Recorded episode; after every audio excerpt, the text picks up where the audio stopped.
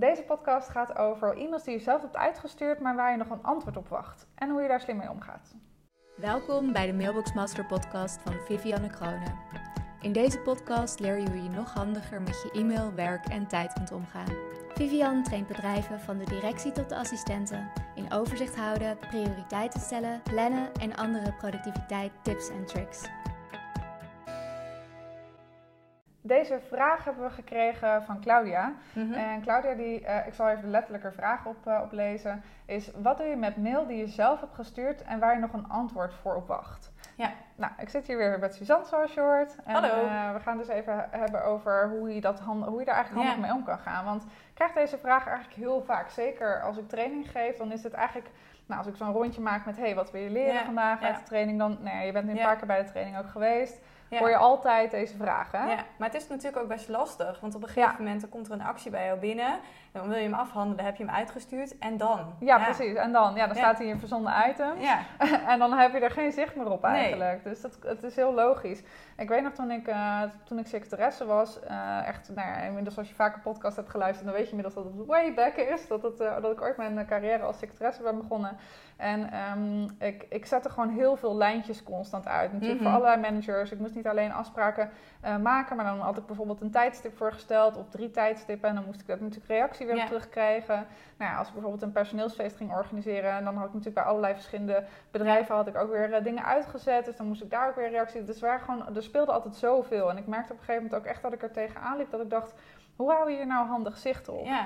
Dus ehm, en nou, wat ik toen heb geleerd is, eh, is, en die tip wil ik ook aan jou geven, is eh, maak een, eh, een mapje waarin de dingen staan waar je op wacht. Dus Mhm. eh, dat, er zijn meerdere manieren hoe je hier overzicht op kunt houden. Als je al eerder training bij mij hebt gevolgd en je werkt bijvoorbeeld met een takenlijst in Outlook, dan kun je er met een snelle stap kun je een afwachten knop maken en dan krijgt jouw taak, zeg maar, als je een mailtje Ja. verstuurt, kun je met één druk op de knop kun je dat mailtje in je takenlijst krijgen in de categorie afwachten. Ja. Nou, dat is even een super complex verhaal als je denkt, "Huh, maar ik heb nog helemaal geen training gevolgd. Rustig aan. Ik ga nu een uitgebreider antwoord geven. En dit was het korte antwoord, nu komt een wat langer antwoord. Want er zijn dus verschillende manieren hoe je dit kunt doen. En het is ook een klein beetje afhankelijk van met, met welk mailsysteem je werkt. Ehm, de eerste manier hoe je dit kunt doen is, eh, en dat is de simpelste manier, is, en dat werkt in principe ook in ieder, eh, in ieder mailprogramma, is een Mhm. mapje maken met dingen waar je nog op wacht. Dus eh, stel je voor, je stuurt een mailtje uit. Vervolgens heb je een mapje en je maakt bijvoorbeeld een kopie van die mail.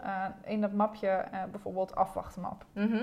Ik, eh, ik noem hem zelf dus zo. In mijn takenlijst heet hij afwachten, gewoon afwachten als categorie. Mhm. Maar als je daar niet mee kunt werken, dan kun je natuurlijk gewoon een afwachtenmap maken. En dan stuur je, zodra je een mailtje hebt uitgestuurd, ga je naar verzonden items. Mhm. Je klikt daar het mailtje aan, je doet bijvoorbeeld ctrl-c. Of nou ja, op welke computer je dan ook werkt, maar ctrl-c van kopiëren. Ja. En je plakt het mailtje in, eh, in de map eh, afwachten. Mhm.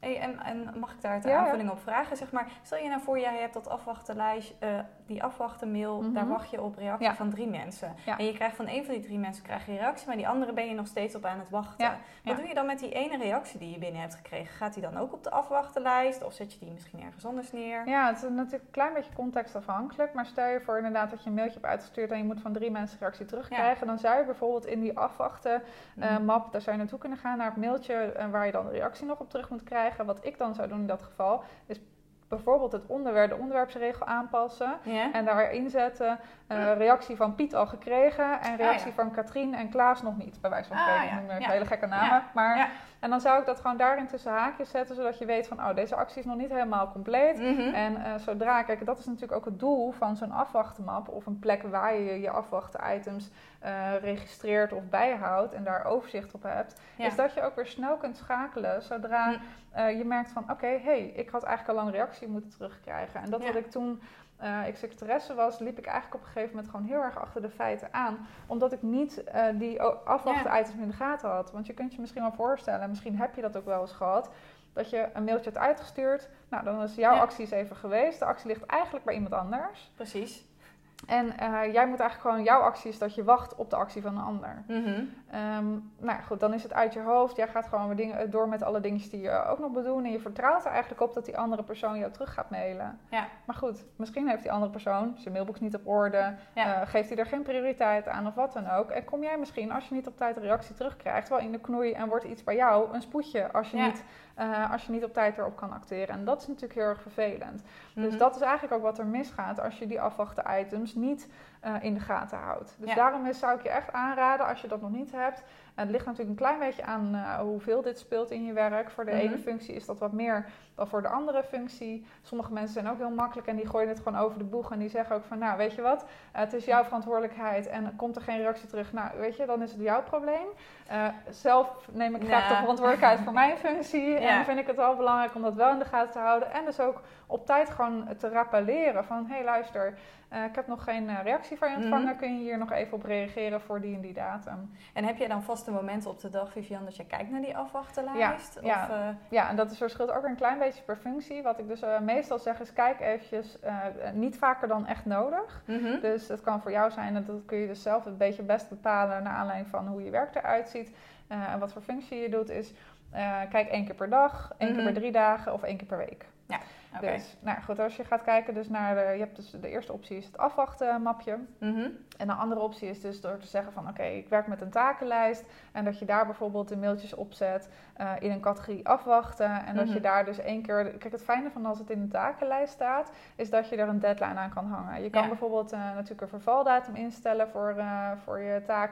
En dan wordt die bijvoorbeeld rood zodra er nog niet op gereageerd is. Zeker. Het is natuurlijk super fijn. ja, Ja, ja, ja, het werkt visueel echt heel erg goed. Dat Ja, je denkt, want oh, jij werkt daar nu shit. mee, hè? Ja, ja, Ja, ja, precies. En het werkt voor mij heel goed om dus die lijst op die manier in de gaten te houden. Want rood, nou ja, stoplicht rood Ja, is ja, ook ja. niet goed. Dus ja, Nee, nee. Het is gewoon een soort van alle alarmbellen gaan af. Holy shit, er is een en- takenrood, er moet iets gebeuren. Nou ja, zo werkt het wel. ja, Ja, in principe wel. Nee, dus dat is, dat, dan heb je meteen, dus je hebt en gewoon inzichtelijk alle taken die jij moet doen, Mhm. maar ook eh, in een aparte categorie de dingen waar jij nog op wacht. En soms krijg ik dan de vraag, maar is het dan niet verwarrend dat je en taken van iemand anders en taken van jezelf op een lijst hebt staan? Mhm. Nou, die vraag die snap ik.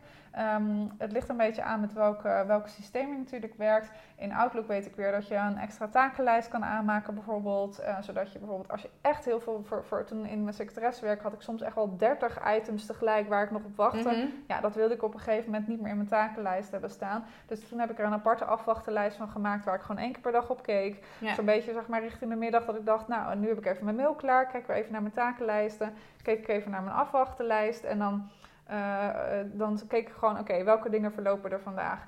Ja. Je kunt die afwachtenlijst natuurlijk sorteren. Of Mhm. het nou een categorie is of, of dat je daar een lijst van maakt. Die kun je sorteren op datum. Ja. Dus zodra je, je, je hoeft alleen maar eigenlijk naar, de, op, naar de, de taken te kijken waarvan je weet van, oh, die verlopen vandaag. Oh, daar moet ik even actie op ondernemen. Of, nou, als ik het vandaag niet krijg, dan doe ik dat morgen eventjes. Ja. Dus dat is eigenlijk, je wilt het eigenlijk echt in de gaten houden. Dus of je dat nou doet met een afwachten map, een afwachten lijst of een afwachten categorie, dat maakt in principe niet uit. Probeer het voor jezelf zo makkelijk mogelijk te maken en bedenk, eh, hoe vaak moet ik hier echt naar kijken? Dus Mhm. zo min mogelijk, maar zo vaak als echt nodig. Ja.